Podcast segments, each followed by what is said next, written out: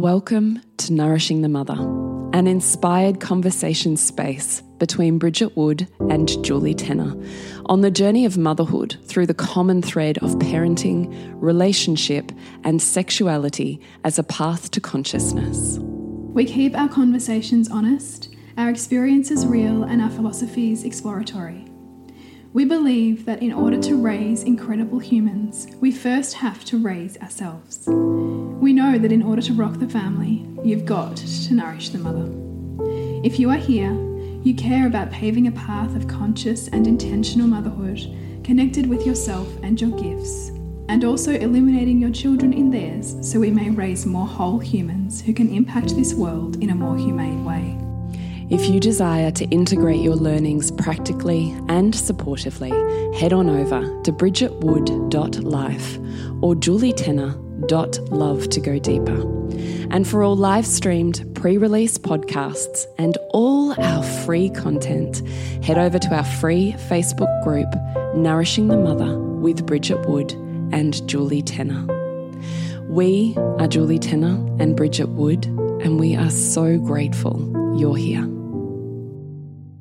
Hello, and welcome to Nourishing the Mother. I'm Bridget Wood. And I'm Julie Tenner. And today's podcast is How is the Perfect Mother Myth Undermining Your Boundaries? Yeah, so this is part, you know, posing you a set of questions through lived experience, which we love to do on this podcast. Mm. Well, that's where wisdom sits, right? Yeah. But I think it can help also for us to just define briefly what this perfect mother myth is because it's it's really an undercurrent that permeates our mothering experience as women in western culture. And it's really surrounded or assumed this ideology of intensive mothering that you know the mother is a central caregiver that is regarded as the be all and end all of her life and that her children should come before her work and often her own needs and that mothering requires lavishing copious amounts of time, energy, and resources into your child. Mm. You essentially pour so much of yourself into your child, right? So we see this held up in our society as the ideal, right? And so the irony being that striving for this undermines our capacity to hold boundaries that become life giving and necessary for ourselves and our whole family to function. Mm. And it also undermines the very thing we're looking for, which is helping our children become really whole beings, right? Who need to have needs, just like we need to have needs.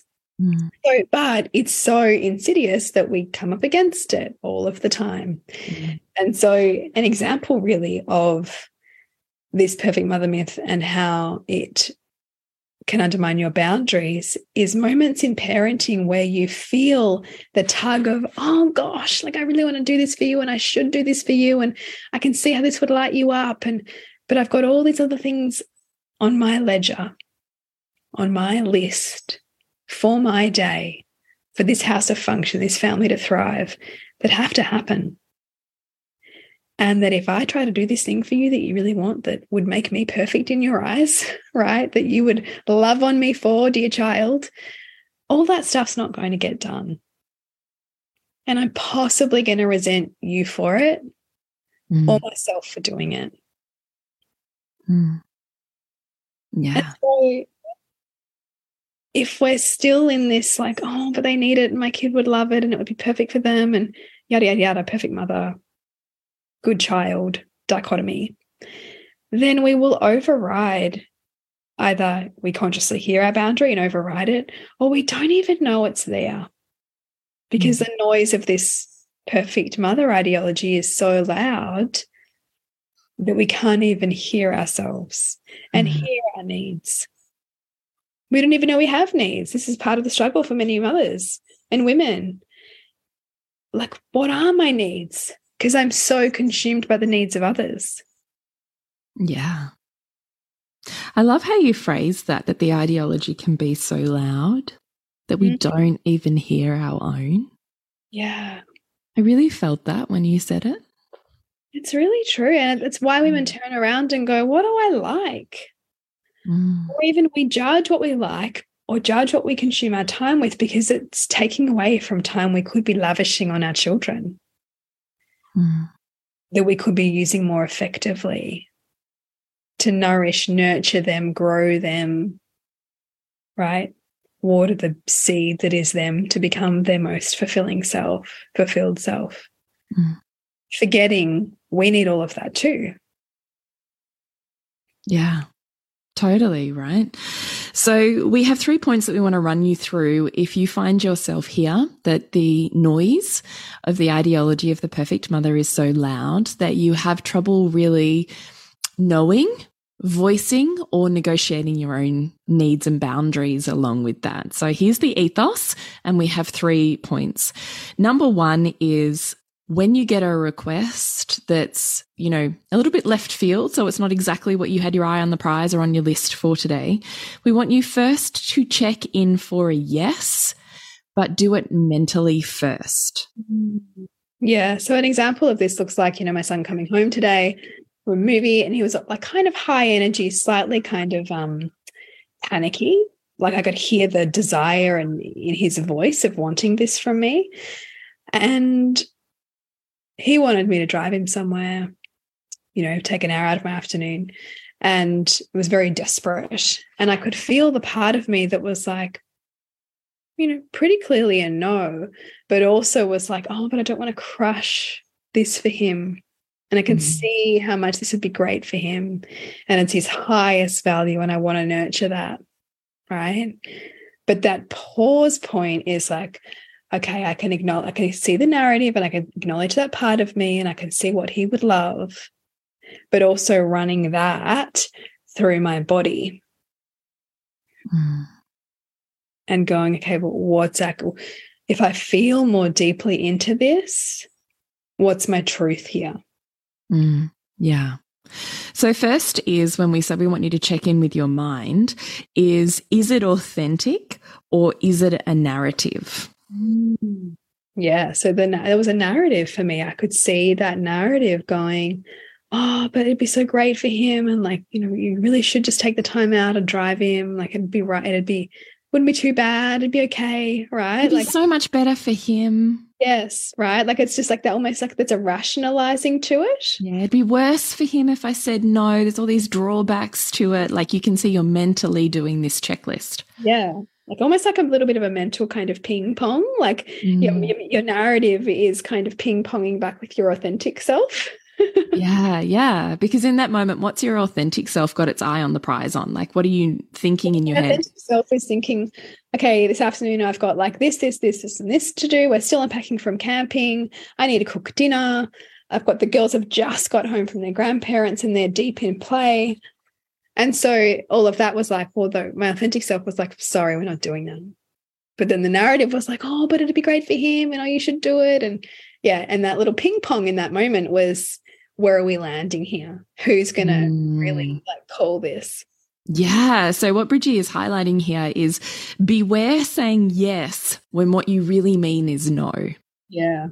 Yeah. But you're maybe that you're afraid of the impact of the no, either yeah. on their emotions or on their perception of you. Yes. So is it authentic or is it a narrative? Point number two is what Bridgie said as part of her process was to check in for a yes with your body. Yeah. So to really feel like deeper than, and sometimes this can feel a little bit like nervy because you're like, you know that what's going to come up is going to challenge this narrative, which you can sense a bit of your self worth is attached to.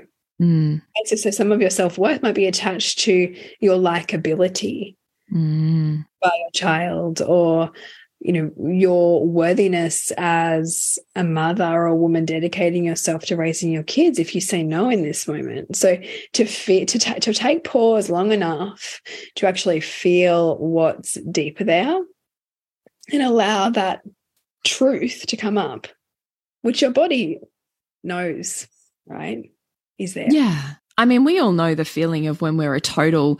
I mean, there's so much in pop culture that's like, you know, either it's a fuck yes or it's a no. You know, it's that concept, but we're asking you to, to be a little more subtle and nuanced in how you're feeling into yourself. Yeah. so sometimes your body will say no from a reaction. Yes. Not true, right? That is actually um, more of a dysregulation. Yeah. Yeah. Is it dysregulation talking and is it your anxiety talking in your body? Or is it that sort of self governed, like solid, like solid anchor in you, in your body that's like, mm, it's a no today. It's a no right now. Yeah, I love that distinction and also leaving room for beware the instantaneous no, the reflex. Yeah, the no reflex. Yeah, it's so good, isn't it? I kind of think that pause is so beautiful to just give yourself a hot second to play catch up because, particularly if this is a new way of prioritizing yourself in a mm. moment because we're running that perfect mother myth, then you might just need a hot minute to just let that initial reflex soothe a little so you can check in with what's really happening for you. So I love that Bridgie's really beautifully spelled this out is a yes in your body doesn't necessarily feel like fuck yes. And it's full of excitement and like this forward leaning, you know, action momentum. It doesn't necessarily feel like that. That a truly, I mean, it's one way, but a truly embodied yes in a moment that implies, yeah, this is a really good for me and you. This is a win-win. This is in alignment with my highest self and vision and moment. And, you know, that feels really good. That feels more like a grounded, I imagine we have this line down the center of our body and I'm like, is my head a yes? Is my heart a yes? Is my gut a yes?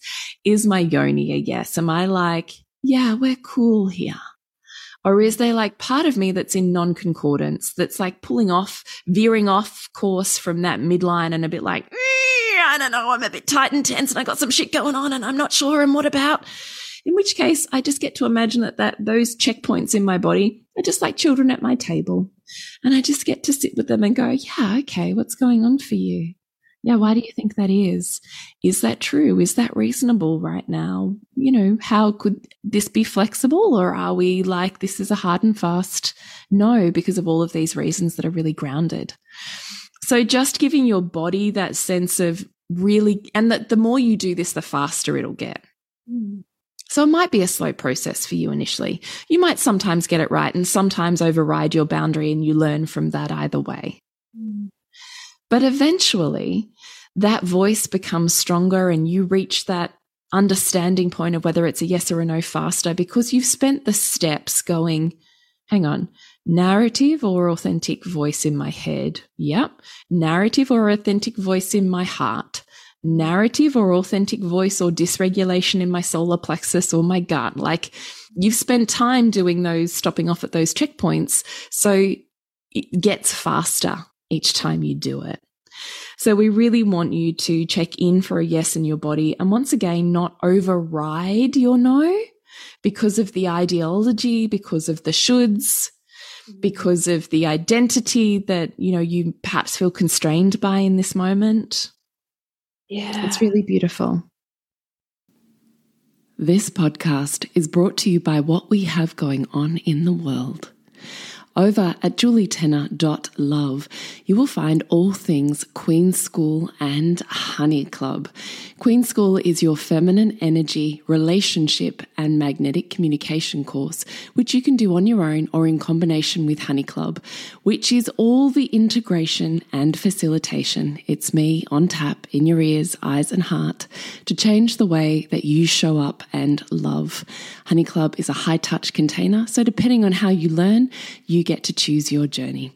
Find out more about Queen School and Honey Club at julietenner.love. And you, Bridgie? Yeah, so it's reimagining motherhood. Really, it is a space for supporting you to integrate conscious parenting alongside the whole woman that you know you are, and really integrating so many of those disowned parts that we are called to remember as mothers and on our parenting journey. So you can find out more about that at bridgetwood.life. And the last point is preparing for combat after your no. Mm. And that's exactly what I got, right? So this occasion was a no. And the combat was right off the bat. And so this is really key is to know, is to be willing to be with, walk towards, accept that with your boundary, the other person's likely not, particularly a child, is not going to love it.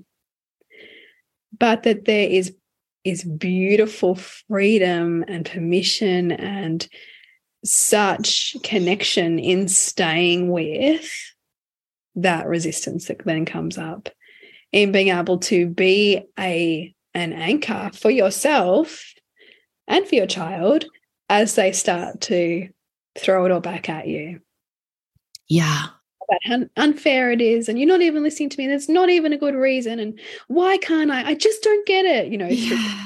right? Yeah. Let's go, yeah, I, I get it. I can see you're frustrated.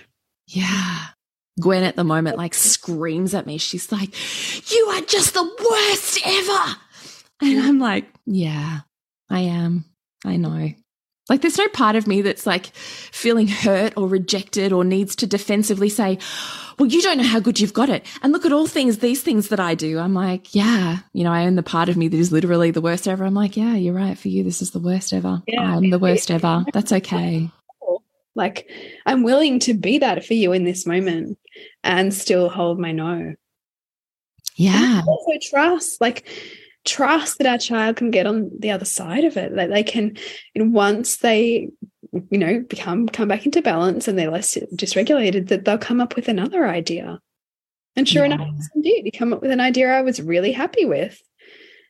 That still That's meant so cool. his friend, and it still meant he could like have this connection time. It just meant that I didn't have to spend an hour in the car.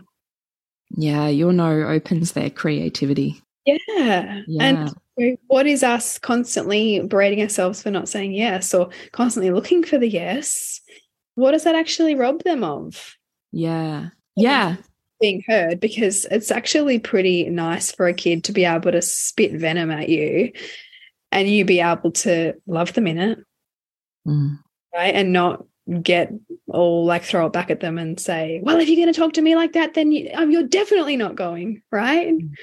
To actually just be able to go, yeah, I get it. It's frustrating. And the other, you know, silently trust that they're going to get through it. Mm. Yeah, because they do. Yeah, they do. And we're yeah. part of our role as mothers is also to help them work through disappointment. Yeah. Be with disappointment. Yeah. Be with those dashed hopes and those crushing, you know, like disappointments and know how that, that, that there's someone there who will listen to it and trust that they know what to do with it. Yeah, I also love that it's a training ground for being in negotiation in relationship. Mm, yeah. Like in any relationship, a relationship with a friend, a relationship with a colleague or a boss, like a relationship that's intimate. There's a negotiation around what you want, what I want, what's a win win. And yeah. at some point, someone's going to say, no, that doesn't work for me. Mm. So are you the person who gets domineering and says, well, you know, I have to override your boundaries and you have to give me in order for me to be okay or for me to give you love? You have to give me these things yeah. to make it transactional and that we ask the other override themselves. Or are we willing to, we've had so much practice with being flexible with our own and being able to hold our own disappointment that we can go, oh, okay. Well, what else? Mm, I love that. that. That's the distinction between a careful relationship, a caring relationship, and a careless relationship. So, careless mm. means I just tell him no and I don't care how he feels about it. That's that. The caring looks like what I did, which was my no, but I hear that that's hard for you. I'm here to listen to it. Let's, you know, I trust that you'll figure out another solution. And the careful is like, oh gosh, I don't want to say no because I'm walking on eggshells and I don't know what this means for like, you know, whether I can deal with the fallout or whether I can deal with my identity being challenged because he hates me in this moment, right? The goal is yeah. to get to that caring point. Yeah. And I just want to reflect also on our boundaries conversation that it is way, way easier to be in relationship with someone who's straight up about their boundaries. Mm. who you know you don't have to live in constant fear like you're walking on eggshells that you might get it wrong or you might overstep it, but you won't know in the moment. You're only going to know when the storm hits you down the track. And now you can't go back and redo that moment because you didn't know in the moment. Yeah. I see plenty of relationships that disintegrate that have a um, you know, a setup like that. Someone didn't have a voice on their boundaries or overrode them constantly for this people pleasing, whatever it is thing yeah. that's going on for them. And this is also too like that knowing also on that point, like the childhood wounding. Yeah. Yeah. I mean, of course, it's always going to be reflective. Yeah. Yeah. So, but the point is here, what I really hear from the partners of those people, like we think if we're the person doing that, we're the people pleaser, we think we're doing the best thing by, you know, providing for that other what they need or want from us and contorting ourselves and our wants and our desires in that way. But the truth is, what I hear from partners on the other side of that is, I wish she'd tell me. I yeah. wish he'd tell me. Yeah. I wish I'd known. It would be so much easier if I didn't have to read between the lines and play this constant guessing game and get it wrong all the time. Yeah. Yeah, the amount of energy that that takes up too, right? Yeah. Yeah. So, um, we've got very off track from preparing for combat. What we wanted you to get from this sentence was often the reason that we'll say yes when we mean no in the beginning is because we actually want to avoid what happens after our no. Mm. We want to avoid whatever the next thing is. So we will override and trade pieces of whatever we need, want, desire right now in order to not have to deal with what we perceive to be that war on the other side of that no. Yeah. But of course, the more you resist something, of course, the more you run into it. Mm-hmm. And I also think with children, it feels just like it feels unsafe in relationship to be with someone who won't tell you their boundaries because it feels unsafe. You want to talk about safe relationships. Someone not telling you what they want or need does not make you feel safe. It's the same thing with our kids. If we're not willing to have a really grounded conversation with them around what feels safe and what doesn't, what's okay and what's not, and hold whatever it is that happens after that, it feels really unsafe for them. So all of a sudden they'll keep going, pushing these edges, looking for the point because it's this constant moving like flutter it's, it's like their nervous system feels a lack of safety and it wants more safety. Yeah. Actually, like, you know, I even think about that moment with my son. Like, there was real safety for him in feeling that solidness in me, even if he didn't like it. Because it actually wouldn't be particularly safe for him if I say yes when I meant no. And, you know, on the drive there back, I'm like all resentful and pissy and like, like flicking off everywhere because I wasn't clear with him and I shoved that part of me down. That's not safe for him. No. No, and there's not a greater consequence. It just you've just delayed it and they'll come out more passive aggressively, which probably is more destructive to relationships. That's right. Yeah. So we would love you to consider that, you know, you get to have this skill set in yourself that you can anticipate the no and there's a way for you to ground yourself into that. It's just a wave. It's going to come and it's going to go. It's not here forever. It's just a moment in time. How can you love yourself in your yes? Because you're so in touch with all of the ways that this is beautiful for them and you. And you're so in touch with all of the ways that if you said yes, it would be a drawback to them and you. Yeah. To, it's to not, crack, to crack the fantasy of the yes, right? That right. it's always great to support my child all of the time with all the things. Yeah. And also to crack the fantasy that you're avoiding pain. Yeah. Because you're not. You're just delaying it and it builds. It's true. So, we would love you to do those three things when you really notice that you're undermining your own boundaries. We want you to one, check in with your mind for a yes, check in with your body for a yes is number two, and then make sure you've got a skill set and you're really like resourced to have this ability to prepare for the combat that comes afterwards. It feels like combat in our body if we're not really grounded in it. It's true. So that could be where your skill set needs to be. And we would invite you into that being a really beautiful process of learning relational boundaries. Yeah. And I think like the beauty of relationship is that the more we practice this, the more we create a paradigm of rupture and repair that where everybody knows like, hey, we make mistakes, but also we're willing to lean into each other when that happens and, and come back to connection. Yeah, such beautiful relational learning. So how do we do more of this work with you, Bridgie?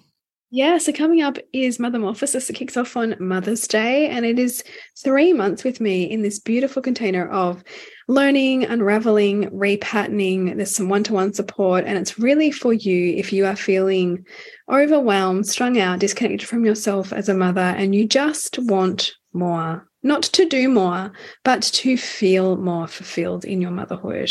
So I invite you to check that out at bridgetwood.life. And you, Jules? Is my couples dates. So that's a 20 minute date once a month that builds spark chemistry, intimacy emotionally and sexually for your whole year. And you can find out more about my couples dates at julietenner.love. Remember to nourish the woman to rock the family. And we'll see you next week when we continue to peel back the layers on your mothering journey. Thank you so much for listening. We literally couldn't do this without you.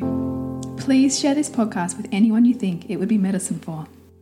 If you desire to integrate your learnings practically and supportively into your life, then head on over to bridgetwood.life or julietenner.love to go deeper.